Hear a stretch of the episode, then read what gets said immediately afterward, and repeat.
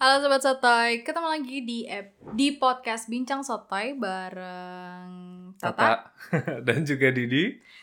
Em, di episode kali ini kita Mhm. kita lagi malas bahas yang politik-politik. Saya di berita berita politik di Indonesia. Kita mau pemilu padahal. Iya, Lesti, Lesti lagi? Enggak. capek. Aldi Taher. Please stop. Siapa lagi sih yang lagi terkenal? Em, Resesi, resesi. Kita belum resesi ya di Indonesia. Em, episode ini kita membahas serial TV aja. Serial TV. Jadi Yes. eh, kita kemarin habis nonton di Netflix Mhm. serial Dahmer eh, tentang Jeffrey Dahmer yang judulnya Monster: The Jeffrey Dahmer Story. Mm-mm. Dan kita sebenarnya agak telat sih karena ini hype-nya sudah agak lama sebenarnya kan beberapa bulan yang lalu. Iya, waktu pertama Eh, kali waktu keluar. pertama ya. kali keluar tuh soalnya tuh wah itu eh, salah satu yang banyak jadi topik pembicaraan juga. Hmm. dan em, banyak juga bahkan beberapa teman juga sampai membahas ini secara detail juga gitu di sosial media segala macam karena eh, segitu impactfulnya buat mereka dan bahkan sampai ada juga media-media massa yang meliput eh, tentang reaksi-reaksinya bahwa eh, banyak media massa menulis banyak kritik soal eh, TV series ini terlalu meromantisasi si Dahmer dan lain-lain. Kemudian reaksi fansnya juga banyak dikritik yang akhirnya malah mengidolakan. Itu em, itu sudah kita lewati semua dan itu akhirnya baru kita nonton. Jadi emang udah menurutku udah hype-nya udah agak turun tapi di sini malah justru menurutku kita jadi bisa melihat dari banyak sisi sih jadi nggak Iya. cuma dari satu sumber em, TV show-nya aja tapi juga dari secara reaksi yang hadir di em, acara itu gitu Jadi agak ini ya secara keseluruhan. hmm, secara keseluruhan aja sih kita Oke. Jadi serial ini eh, kapan sih serial ini sebenarnya keluar keluarnya September bukan September. Ah, ah, ah. Iya, ha. jadi September ini tuh serial ini sekarang menceritakan kisahnya si Jeffrey Dahmer ini dari sejak dia um, Kecil ya? SMP ada Mhm. flashback Mm, mm, waktu dia masih kecil sampai uh, kemudian sampai dihukum mati kan? ya Oh, sampai iya, sampai dihukum uh, mati. di episode terakhir itu dia Kok dihukum mati? Bukan dihukum mati, Apa sorry. dibunuh? dibunuh oleh sesama inmates. Mm-mm. Em, jadi agak kayak biopic gitu. Cuman aku sukanya karena biasanya kalau biopic film tuh kan kita cuma punya waktu dua jam nih, ya kan? Sedangkan ini dibikin serial TV dengan ya me- me- meskipun waktu waktunya juga nggak ter- seleluasa kalau sinetron Indonesia ya. Waduh, ribuan episode. Iya, yang sampai ribuan episode. Tapi eh, kita ada ada ada cukup waktu untuk mendalami ceritanya Damar gitu loh. Hmm. Dan menurutku kan itu ini agak slow burning ya. Jadi Hmm.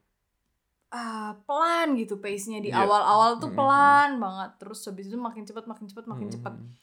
Jadi eh, kalau dari segi itunya sih aku suka cara Mm-mm. dan meskipun pace-nya pelan tuh nggak yang bikin bosen gitu loh jadi ada sesuatu yang bikin kayak bukan cliffhanger sih cuman ada sesuatu yang bikin kita balik lagi Balik lagi gitu. untuk ke Ah. selanjutnya. Dan aku suka juga berbagai em, apa dari episode-episode tuh ada juga episode yang dilihat dari sudut pandang lain, dari sudut pandang Hmm. korban, yang walaupun Hmm. itu juga ternyata menimbulkan kontroversi baru ya. Mm-mm. dari cara pembuatannya, Mm-mm. tapi, Mm-mm.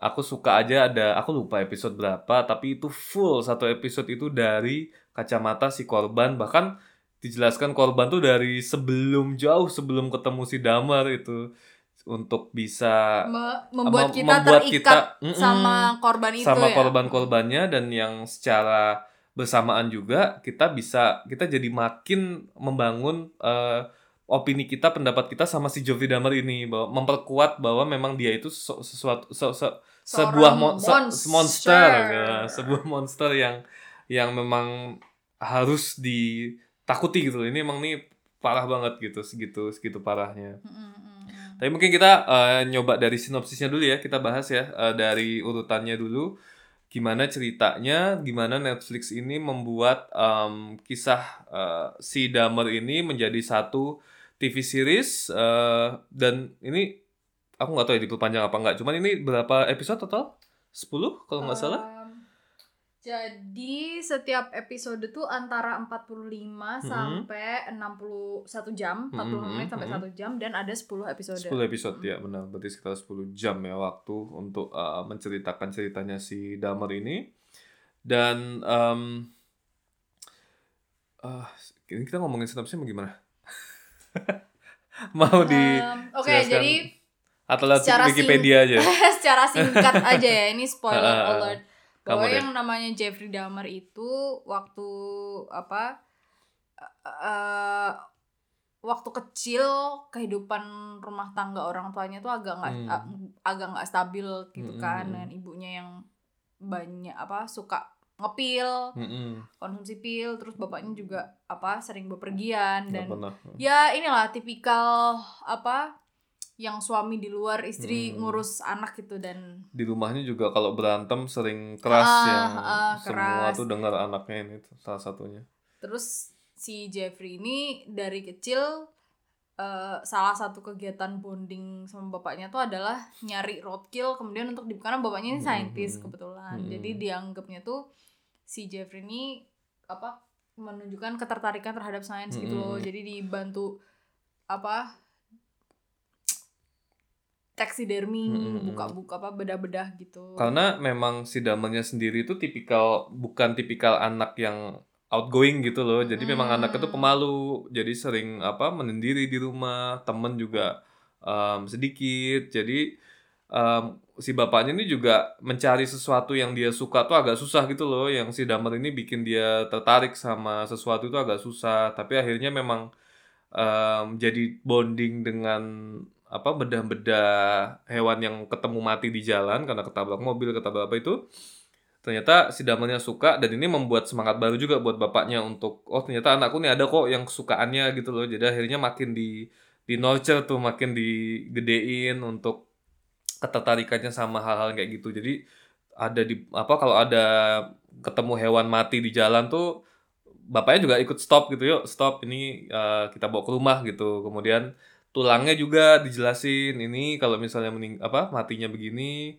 efeknya kalau dalam beberapa hari seperti ini kemudian ini tulang apa jenisnya. Jadi dianggap sesuatu yang positif karena tadi memang anaknya nggak tertarik sama apa-apa. Jadi Hmm. ketika dapat sesuatu yang bikin anaknya tuh engage itu senang bapaknya jadi akhirnya di Ya, tapi dari kecil tuh Damer tuh memang udah banyak masalah sih. Dianya sendiri ya udah banyak udah sendiri. banyak red flag gitu. Mm-mm. Waktu apa eh, bapak ibunya cerai terus ibunya pergi dari rumah, bapaknya juga lagi nggak ada di rumah, itu dia eh dia menjebak seorang hitchhiker iya eh, ke rumahnya terus sampai kemudian dibunuh dan eh karena dia bingung gimana cara disposing Mm-mm. badannya itu akhirnya di off dipotong-potong. Potong-potong dipotong-potong di oven kemudian jadi kering kan terus di eh, dihancurin jadi Mm-mm. abu dan kerikil. Nah itu terus disebar di halaman belakang rumahnya. Terus yang menurutku juga itu caranya bagus. Maksudnya dia cukup pintar untuk tahu apa ya em, gimana untuk melepasin daging dari tulangnya gimana untuk iya ngilangin- itu karena kan hasil yang karena diajarin bapaknya waktu kalau kecil orang- itu. iya kalau orang biasa kan agak sloppy ya. Maksudnya kalau ada mayat dibunuh biasanya kan dibuang ke sungai biasanya dikubur aja langsung utuh dikubur gitu. Tapi ini Damel juga melakukan sesuatu yang emang nggak biasa. Yaitu dengan memastikan bahwa mayatnya itu beneran nggak bisa di nggak bisa diidentifikasi. Diidentifikasi sama sekali gitu dan sampai tulangnya dihancurin effort gitu loh untuk dia iya heeh. ngebuang mayat ini gitu terus habis itu ya gitulah apa itu po- Mm-mm. pola yang pola yang terulang-ulang Mm-mm. kembali sampai masa dewasanya dia Mm-mm. eh, ini apa ya kejem banget dia Mm-mm. membunuhnya tuh sampai 17 Mm-mm. orang. dan Dan- ini explicit trigger Yep, yep, apa yep, yep. trigger warning ya dan dia juga melakukan nekrofilia Mm-mm. di mana mayat itu dia perkosa juga gitu Iya, atau dijadiin bahan masturbasi seksual. gitu ha, untuk Mm-mm. kebutuhan seksual dan bahkan di serial itu juga ditampakkan gimana dia makan daging Oh iya iya kanibal itu. heeh, Mhm. daging korbannya Mhm. dan mendapatkan kepuasan seksual dari Mhm. eh, itulah dari Mhm. dari dari aktivitas itu gitu dan sampai pada akhirnya ada sorry apa Oh. Enggak, satu lagi itu bahwa dia juga keinginannya untuk mengendalikan seseorang tuh sampai bereksperimen, sampai ada yang otaknya Heeh, apa kepalanya sampai dia tuh pengen jadi zombie pengen bikin zombie. Jadi ini zombie, jangan dimatiin nih, tapi otaknya dimatiin dulu nih pakai Heeh, apa? heeh. Jadi otaknya tuh kepalanya dibor, maaf ya dibor, kemudian diisi dengan chemical supaya dia ngawang gitu nggak nggak nggak sadarkan diri jadi dia bisa ngikutin apa yang dia mau walaupun Hmm, itu gagal ya akhirnya ya Iya, uh, dan itu uh, sampai ada salah satu calon korbannya yang Mm-mm. bisa berhasil kabur Hmm, hmm, dan manggil polisi dan polisinya bisa akhirnya menemukan bukti-bukti bahwa Damer itu udah maksudnya banyak melakukan pembunuhan Mm-mm. di apartemennya. Kemudian Damer ditangkap itu jadi sensasional berita Mm-mm. berita nasional lah intinya. Eh kemudian dia divonis Divonis. penjara 900 tahun. tahun, 15 kali hukuman 15 seumur hidup umur seumur hidup. Tapi eh ketika dia umur 34 tahun dia dibunuh Hmm, oleh eh, salah satu narapidana yang ada di penjara itu juga.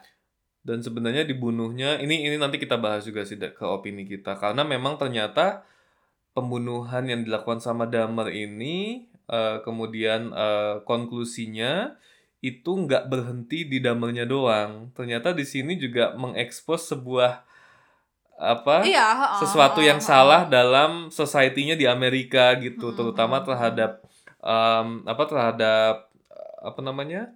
bukan gender apa sih? eh, preferensi seksual, kemudian dengan eh, apa? ras itu juga itu akhirnya masuk ke situ Iya, pembahasannya. heeh, heeh. Jadi itu tema-tema yang uh, tema-tema muncul di Mm-mm, dalam mm-mm, serial ini dan itu nggak cuma di nggak fiktif ya itu Mm-mm, mm-mm. memang itu memang dulu akhirnya Dahmer itu heboh karena kebanyakan korbannya adalah um, gay Mhm. dan non kulit putih. Yap. Jadi dari kaum-kaum yang termarginal.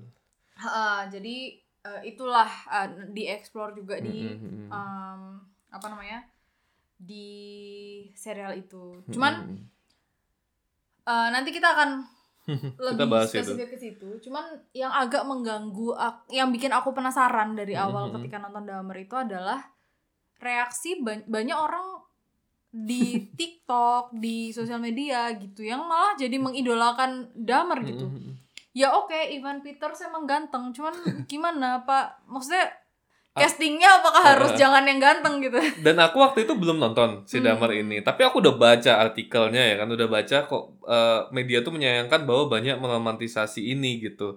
Dan banyak juga yang nggak sedikit menuduh si Netflix yang membantu itu membangun Hmm. image itu. Jadi opiniku di awal sebelum nonton ini apakah memang si Netflix ini membuat si Damernya ini lebih tanda kutip lebih manusia sebenarnya Hmm. gitu. Yang sebenarnya tuh nggak 100% salahnya dia gitu. Aku belum tahu. Tapi selesai menonton semuanya sih menurutku masih bisa. Netflix masih bisa mengcapture monsternya si Dahmer itu dan berkat dukungan ke eh, ke siapa? Sih Ivan Peter itu actingnya oh, itu luar oh biasa. bagus god, banget. Ivan Creepy Peters, banget. man, seriously. jadi em, menurutku masih berhasil sih. Jadi kalau misalnya memang ada opini apa em, meromantisasi itu, aku ngelihat juga sedikit banyak dari penontonnya juga sih. Tapi gini, gitu. kalau opini pribadiku ya, Mhm. karena aku sebelum nonton Dahmer tuh aku udah tahu bahwa banyak orang banyak yang setelah nonton itu jadi nggak jadi kasihan, jadi Mhm, apa sama mhm. Dahmer gitu kan. Jadi rom- meromantisasi itu ya. Aku nonton Netflix, masuk posisiku adalah aku pengen tahu Mm-mm. gimana Netflix meromantisasi Dahmer. mm-mm. Nah, ketika aku nonton episode pertama, episode kedua, episode ketiga yang masih ada flashback ke masa kecilnya. Mm, Oh itu masih itu. Iya. Iya. Itu iya. ah, Jadi, kalau kamu berhenti nonton sebelum Mm-mm. selesai, Mm-mm. kesan yang ditinggalkan itu karena waktu itu aku inget aku ngerasa sebel juga sama Netflix. Kenapa Mm-mm. harus seakan-akan orang tuanya Damer yang salah? Mm-mm. Kenapa soal gini loh, karena orang broken home tuh banyak, Mm-mm. tapi nggak juga kamu bunuh jadi orang serial gitu. killer juga nggak semua ya.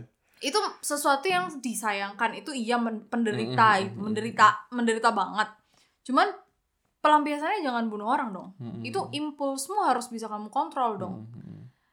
nah itu memang sampai episode awal tuh kesalahannya Mm-mm. Netflix di awal-awal situ ya dia masih apa seakan-akan mau menceritakan masa kecilnya Damer oke tapi dari kita tuh jadi kayak dari sudut pandang Damer masa kecil gitu loh Hmm. jadi susah kita untuk benci anak kecil Anak kan kecil.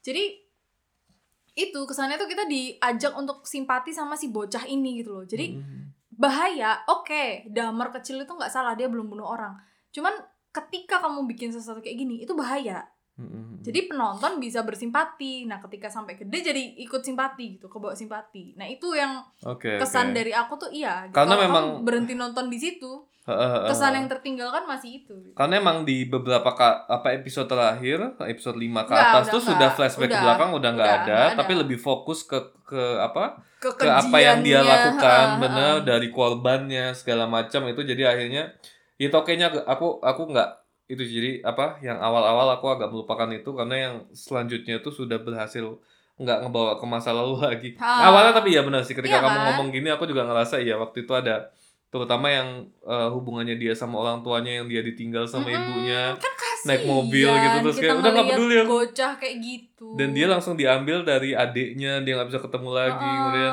kayak- bapaknya nggak pulang, ngetelpon enggak Hmm, kan? Kita kasihan dong, karena Hmm. itu dia masih kecil, masih remaja gitu loh. hmm. Jadi Hmm. agak susah gitu. Hmm. Walaupun nanti di ending ketika bapaknya itu juga menyalahkan dirinya sendiri, aku bilang enggak kok itu salah anakmu memang Iya, ya. uh, gini, Bangke. gini gini, Hmm. boleh bapaknya tuh salah. Bapaknya ada, ada. Tapi Kalau misal terus anaknya jadi benci sama bapaknya, itu Hmm, masih hmm, oke lah, hmm, masih respon yang wajar gitu.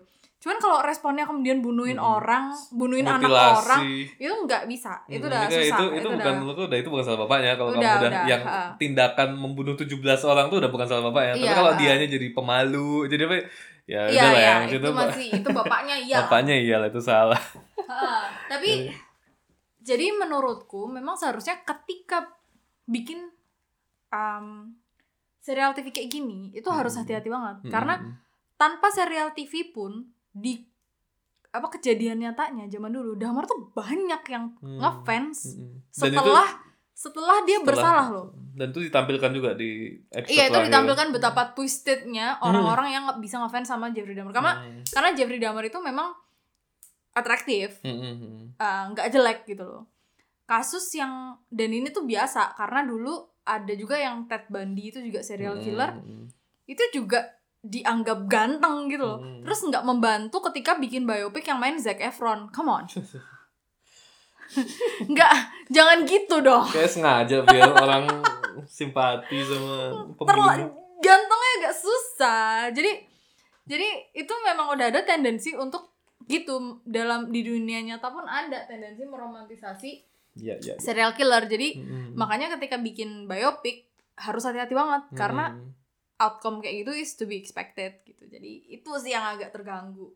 Cuman eh, kemudian kayak kamu tadi bilang bahwa di akhir dia udah serial ini bisa mengangkat sudut pandang para korban dan terus terang ketika aku nonton itu tuh aku benci banget sama Hmm, hmm, hmm. Jeffrey Dahmer. Hmm, dan itu menurutku serial TV-nya berhasil. Hmm. bagus kan cuman ini problematik juga Hmm. karena ternyata Netflix Oh, tidak iya, meminta izin kepada keluarga Ah, itu tuh. korban. Itu dia loh, udah maaf, udah bener Anda.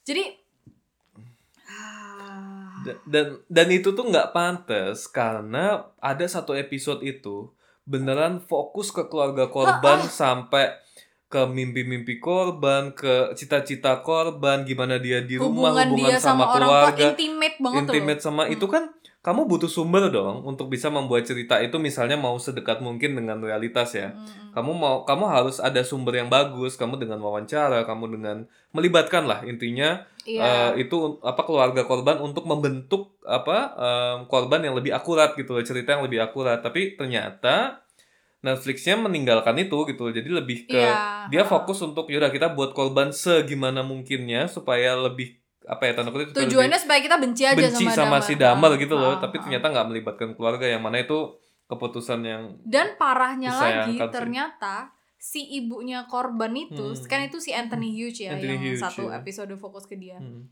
yang apa tunawicara Hmm. ibunya si Anthony Hughes itu ngomong bahwa anakku tuh nggak nggak ada hubungan seperti yang ditampilin di Hmm. Netflix Hmm. jadi hubungan Anthony Hughes sama Dahmer itu Hmm. banyak yang fiksi sebenarnya Hmm. bahwa mereka pacaran atau enggak tuh nggak ada yang tahu pasti Hmm. gitu kalau menurut ibunya enggak jadi agak nggak etis Hmm. karena itu nama orang beneran itu anak orang beneran masih hidup ibunya itu rasa ya sakitnya iya ada beneran gitu loh Hmm. jadi kalau menurutku agak susah memang ketika biopik kayak gini. Hmm. Eh, tapi ya harus seetik seetis Seetis mungkin, dong. Dan aku tahu itu efek eh, mau dibuat efek supaya kita tahu kita empati banget nih sama korban dan keluarga korban. Jadi kita benci sama Jeffrey Dahmer.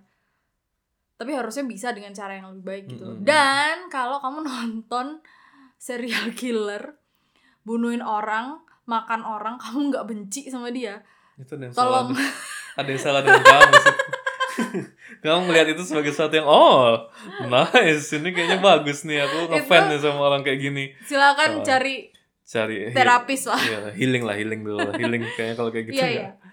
dan Jadi, efeknya berhasil Mhm. tapi caranya kurang nggak etis Iya, kalau menurutku itu ya. bermasalah sih itu aku setuju itu bermasalah dan seharusnya bisa lebih baik apalagi Netflix ayolah kamu tuh perusahaan Ya, segede itu resource-nya banyak.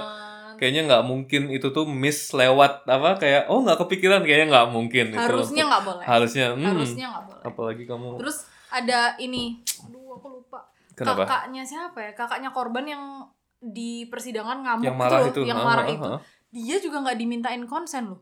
Ah. cuman kalau di persidangan karena persidangannya itu disiarin kan. Umum. bahkan sekarang masih ada loh di Hmm. YouTube kalau pengen lihat. Hmm. Jadi materi memang nggak harus cari wawancara cuman bukan berarti Cuman- kamu boleh ngambil kata-kata yang diucapin Hmm, orang hmm, hmm. reaksi orang itu dan itu reaksi yang muncul dari kesakitan yang Hmm. amat nyata karena Hmm. aku nggak kebayang rasanya jadi orang itu kan terus kamu ambil tanpa izin hmm, hmm. dan orangnya keberatan kamu tampilin dan orangnya dapat nggak dapat apa-apa juga gitu loh jadi itu agak nggak nggak nggak etis sih menurutku ya. Udah agak sering sih Netflix tapi kalau masalah-masalah kayak gini tuh iya sering. kemarin yang Hmm. Marilyn Monroe juga gitu. Marilyn Monroe tuh juga mm, jadi sering sih. Iya. Ah itu dari sisi Netflixnya ya. Cuman eh, kalau aku lagi kesan kamu bisa tambahin nggak? Hmm, kamu Kalau coba. salah, kamu aja. Kalau aku kesan eh, dari nonton serial itu yang pertama dari Evan Peternya sih. Aku kok dari actingnya dulu karena em, dia menurutku ini aja sih on point aja. Jadi ketika dia jadi aku nggak tahu nggak pernah buka soal si Dahmer nggak pernah baca sebelumnya soal Dahmer nggak. Jadi baru dari Netflix itu. Tapi setelah nonton Netflix aku baru mulai ngelihat YouTube-nya yang aslinya gimana si Hmm. Dahmer. Dan itu luar biasa. Evan bisa mem memportrayalkan si Dahmer se menurutku akurat banget dan bisa menimbulkan rasa itu takut itu, itu, loh bener itu sama bener, kita tuh. bener, bener, dengan seminimal mu- seminim mungkin dia Iya. ngomong gitu loh bener. iya percakapannya dia tuh dia, dia- dan dia cara ngomongnya tuh cara ngomongnya tuh kalem. kalem ya kan kemudian apa nggak banyak ngomong kan dia tuh orang dia pemalu orangnya kan Mm-mm. untuk apa ketika hitting orang aja lagi deketin cowok itu dia kebanyakan juga lewat mata lewat pandangannya dia tapi. Kita ngelihat cara dia ngelihat korban karena kan kebanyakan di kamera disorot juga gitu. Itu kayak aku yang ngerasa nggak nyaman tuh Iya, aku yang bener, ngerasa nggak aman. aku yang ngerasa bener kita jadi ngerasa oh no. Oh, no enggak, please. enggak. Aku tahu itu akan jadi korban selanjutnya, tapi aku tetap kayak nggak expect Ih, kok kayak gitu sih ngeliat tuh kayak ah kayak ngeri aja gitu. Kayak dia Mm, tuh mm, mm. eh, cocok untuk jadi ini. Dan apalagi ketika dia apa eh, karena kan tadi yang sudah kita bilang bahwa dia melakukan nekrofilia juga gitu. Jadi dia em, ada kepuasan seksual dari berhubungan dengan mayat, berhubungan atau melihat organ tubuh gitu tuh portrayal yang di- ditampilkan sama Evan Peter tuh juga apa ya? Kayak ho- horny-nya dia sukanya Iya, itu tuh bisa dapet banget. banget, anjir. bener bener bener senyumnya tuh tipis banget di Tapi, di ujung oh. mulut itu kayak dia senyum tipis aku inget banget waktu eh yang pas dia eh apa namanya ngelihat organ pertama kali atau atau gimana gitu cara dia senyum gimana terus kemudian yang makan daging manusia Ah, aku yang pas ngunyah steak Yang- itu itu nggak ngomong sama sekali Ah, nggak ngomong Nggak Dia- ada dialog kamera tuh cuman fade Cuman in diem, pelan gitu heeh. sambil dia ngunyah kunyahan pertama tapi kita tahu dia bisa menikmati dia menikmati itu iya. Jadi Anjir. ketika dia makan daging itu, Mm-mm. kan gini ya, orang makan tuh enak tuh ada ekspresi Ada, ada berubah ekspresi ha. puas ketika Mm-mm. makan aku kalau makan nasi padang ekspresiku Wah. ya gitu kan. Cuman ekspres ada sesuatu di mukanya Mm-mm. Evan Peters yang aku tuh tahu dia bukan puas makan makanan Iya. enak, Mm-mm, mm-mm. dia tuh puas karena kepuasannya tuh seksual gitu Seksual, sifatnya. benar, benar. Ada sesuatu di ada mukanya dia yang di situ. kayak tok kelihatan gitu. Kalau dia tuh puasnya secara seksual bukan cuma puas wah nih steak Mm-mm, enak mm-mm. banget gitu. Enggak gitu. Jadi goodness, Serem even cheaters, Serem. man. sampai serem banget karena akal aku ya aku nggak pernah apa eh, mengikuti Hollywood segala macam aku taunya dia itu dari main Quicksilver gitu jadi yang menurutku itu role yang Biasa lah ya. biasa lah Enggak maksudnya terlalu demanding. iya ya. masih receh lah gitu loh nggak bukan film apa film kelas festival gitu menurutku ya karena aku nggak tahu ininya dia yang lain cuma ketika kemarin lihat oh gila ini profesional juga maksudnya dia bisa menggambarkan itu karena kalau acting marah nangis itu itu itu yang Ah, diinikan Acting semua orang marah kan juga. Acting marah. Mm, mm, Kalau kamu dibantu boleh bentak, mm, mm, mm, dibantu boleh melotot, mm, itu oke lah. mm. Tapi masalahnya dia tuh senyum tapi kita serem loh ini Mm. udah mau dibunuh nih orang. neneknya ketika di rumah neneknya oh my god. ini kapan neneknya mati nih dibunuh nih saking sebelnya dia ketika Iya, tapi dia masih muka suaranya Mm. masih pelan, ngomongnya masih Mm, mm, mm. ya ada yang adegan dia meledak gitu, marahnya Iya, ada, gitu. Cuman kebanyakan ketika sama tetangganya pun Mm, mm, mm.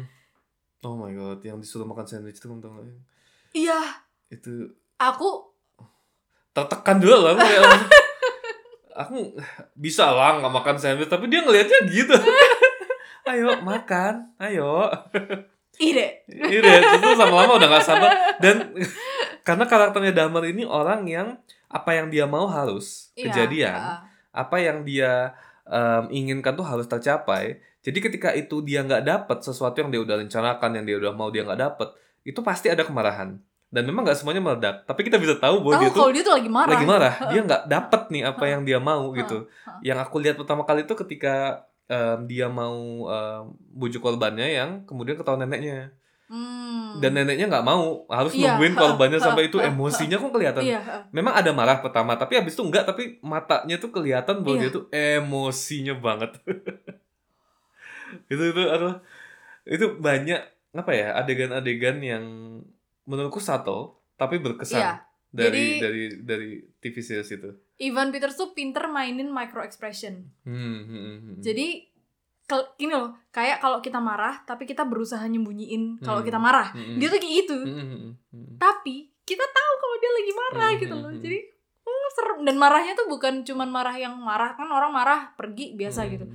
Marahnya dia tuh tipe marah yang membahayakan orang Iya. lain gitu loh kelihatannya tuh. Jadi ketika dia marah kita padahal di rumah Hmm. kita ngerasa nggak aman juga gitu ngelihat mukanya dia aduh itu aku sih yang kesanku ya dari nonton film itu tuh asli dari performance-nya bagus bagus, banget. karena ya kamu bayangin ini satu series tentang kamu satu orang dan banyak banget shotnya itu yang close up ke Hmm, wajah. Hmm, hmm. jadi kita ngelihat langsung ekspresinya si Damal gitu loh. Jadi memonsterkan dia dari apa ekspresinya dia yang datar itu yang dia Iya, itu justru. ha-ha. itu yang monster. Karena biasanya monster tuh kan yang jelek yang jahat yang apa yang ketawa yang Hmm, hmm, hmm, menes hmm, gitu kan hmm. yang ketok lah kalau kelihatan lah kalau misalnya dia ini gitu loh kalau dia villain tuh harus ini kelihatan gitu secara cuman dia dengan sederhanaannya.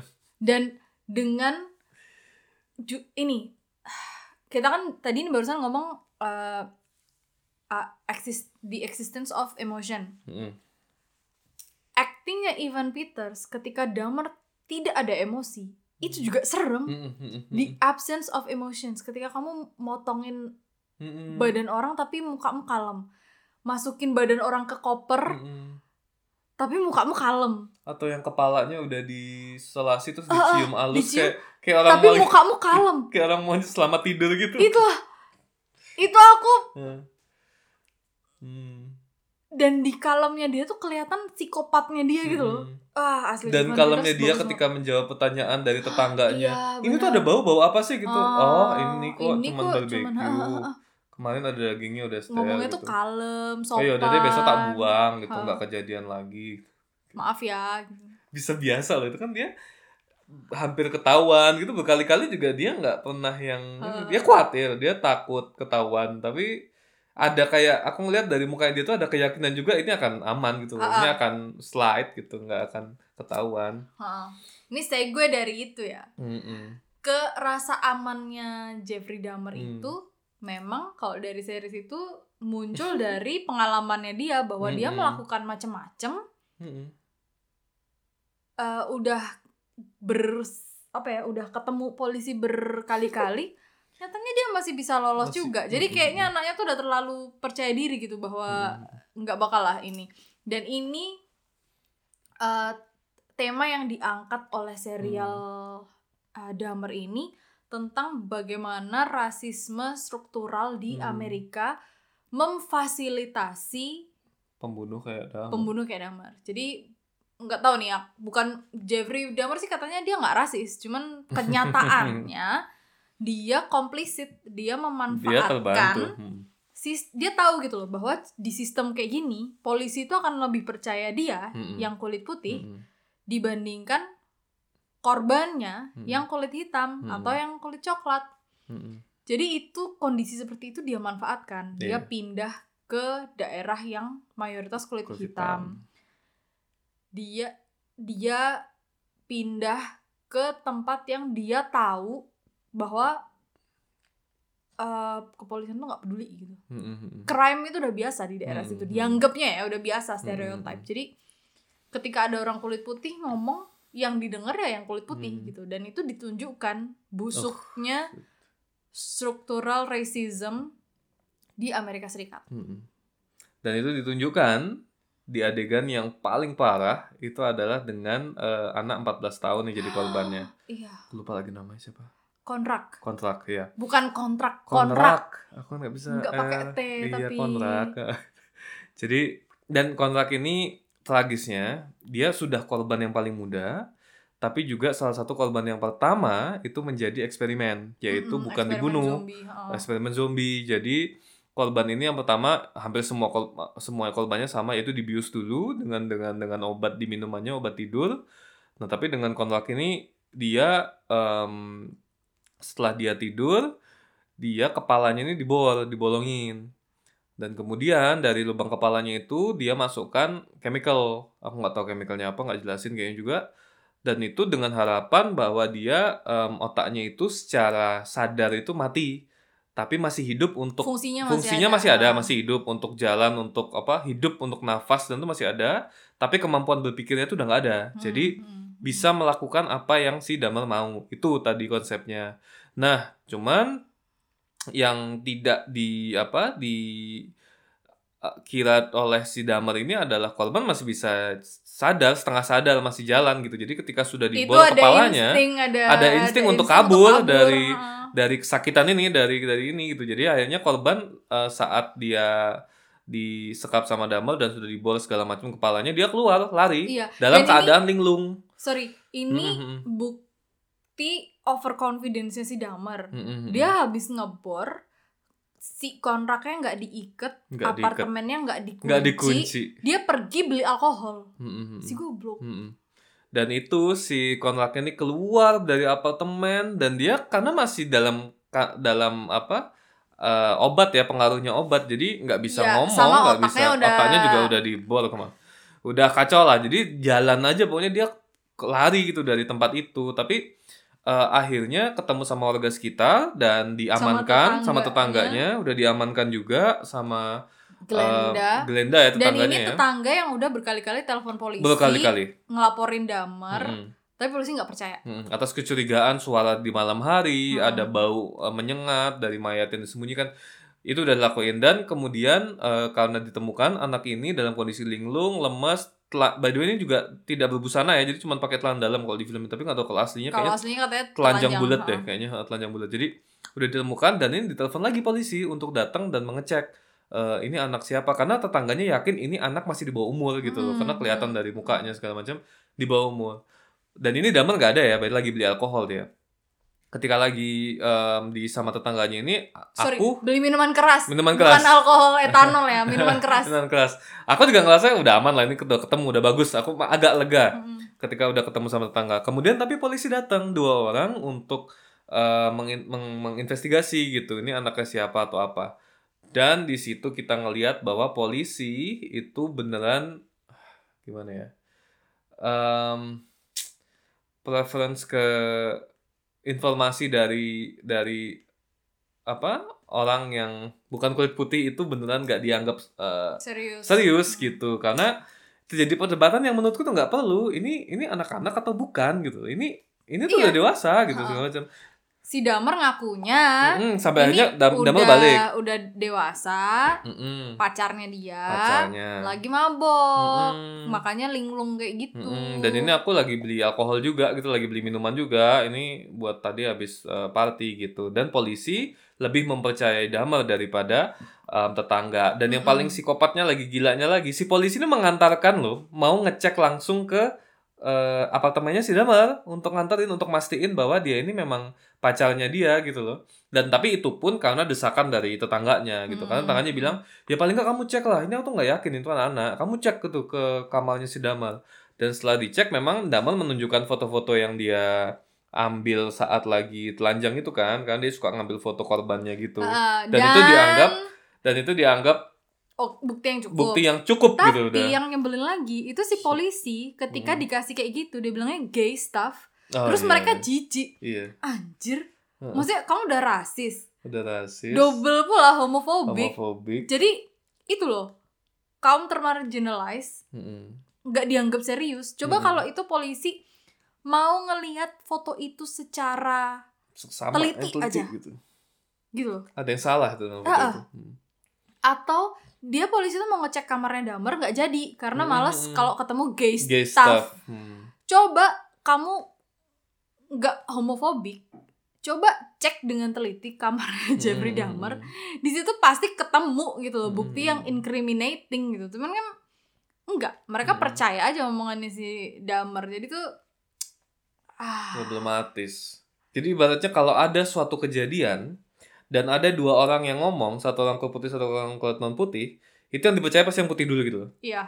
intinya tuh itu Hmm. makanya ini tetangga ini nggak cuma sendirian bahkan tetangganya ada ti- dua tiga orang gitu lawan satu orang damel ya padahal ini udah tetangga bertiga ada satu korban yang lagi linglung tetap yang dipercaya cuma satu orang ini gitu Iya. dibanding keempat orang lainnya gitu. Jadi ini pesan yang kemarin di di ada episode yang menurutku gila sih psikopat banget lah ngasih lihat bahwa ini Amerika ada yang salah nih dengan dengan Ah. dengan apa polis kepolisiannya dan dengan perlakuannya terhadap ras yang berbeda dari kulit putih gitu. Oke. Banyak ya. Tapi Oh tapi ada tapinya. jadi sampai di situ Hmm. Oke, Netflix pesan moralnya bagus nih, Hmm. mengkritik structural racism di Hmm. Amerika Serikat. Tapi dengan Netflix tidak mencari apa, tidak mendapatkan persetujuan, tidak mencari persetujuan dari keluarganya korban Jeffrey Dahmer untuk mengambil cerita mereka, untuk menampilkan keluarga mereka di sebagai korbannya Jeffrey Dahmer untuk mengambil verbatim kata per kata kesaksian mereka dan reaksi emosional mereka di persidangan agak counterproductive. Jadi Mm-mm. pesanmu apa nih? Bahwa ada Mm. structural racism di Amerika, oke. Tapi kamu melakukan Tapi kamu melakukan itu sen- juga gitu. Karena gini, Iya iya iya iya. kalau beda urusan kalau Netflix sudah mendapat persetujuan. Kalau enggak, berarti Netflix itu ngambil suara keluarganya Mm, mm, mm. korban Jeffrey Dahmer. Yang mana Dan- juga bukan orang kulit putih. Ha-ha. Jadi dan kita lihat aja lah power apa ada ketimpangan kuasa di situ Netflix yang korporasi Mm-mm, besar mm-mm. dengan ini keluarga yang biasa-biasa aja gitu orang kecil mereka bisa apa sih jadi Netflix nggak bisa nggak akan dapat konsekuensi apa pun gitu loh dari Benar, benar, melakukan hal ini yang, lah yang bukan kriminal tapi lagi-lagi bad taste in Mm-mm, bad mm-mm, taste. jadi eh, kalau kata filosofer Bell Hooks idol salah satu panutan saya oke. Netflix kemarin itu occupying the Mm-mm. voices of black people Hmm. of marginalized people. Jadi meskipun mereka menyuarakan mengkritik terhadap structural racism praktek occupying mengambil suara orang itu sendiri tuh adalah salah satu bentuk uh, adalah salah satu akibat dari adanya structural racism gitu ya. Jadi counterproductive itu. Jadi kamu melakukan sesuatu yang kamu kritik juga gitu loh. Mhm. Itu sih yang aku agak kemarin Dumber tuh lucu Benar, banget benar, nih setuju, setuju. serial ini nih. Kok bisa Anda udah bagus niatnya, intentionnya Hmm. tuh bagus, cuman nggak tahu deh. Dan yang harusnya memang keluarga korban tuh juga didengar gitu loh soal Iya. soal ini apalagi Iya, kamu heeh. mengambil biopiknya loh. korban loh ini. Kalau misalnya ada yang ngomong lah nanti kalau keluarga korban nggak setuju gimana? Ya Ya udah, itu nggak haknya usah. mereka. nggak usah. Karena apa? Orang-orang itu ada beneran loh. Mm, mm, mm, mm. masih hidup loh ibunya bahkan jadi kalau mereka nggak setuju kisah hidupnya diangkat jadi cerita Ya anda nggak nggak usah bikin film berdasarkan Jeffrey Berdasarkan Dahmer Jeffrey tapi di fix Mm, mm. jelasin kalau ini fiksi ini bukan biopik nggak masalah gitu. Karena kalau ngomongin biopik tuh kan orang kadang suka mikir em, ini beneran kejadian atau enggak gitu kan. Cuman kalau fiksi kan ya udah Kalau fiksi kan gak ada yang protes Ah. tuh. Kamu bikin Game of Thrones misalnya terus ada keluarga ke- kerajaan yang wah itu kayak keluarga aku apa itu nggak bisa gitu loh.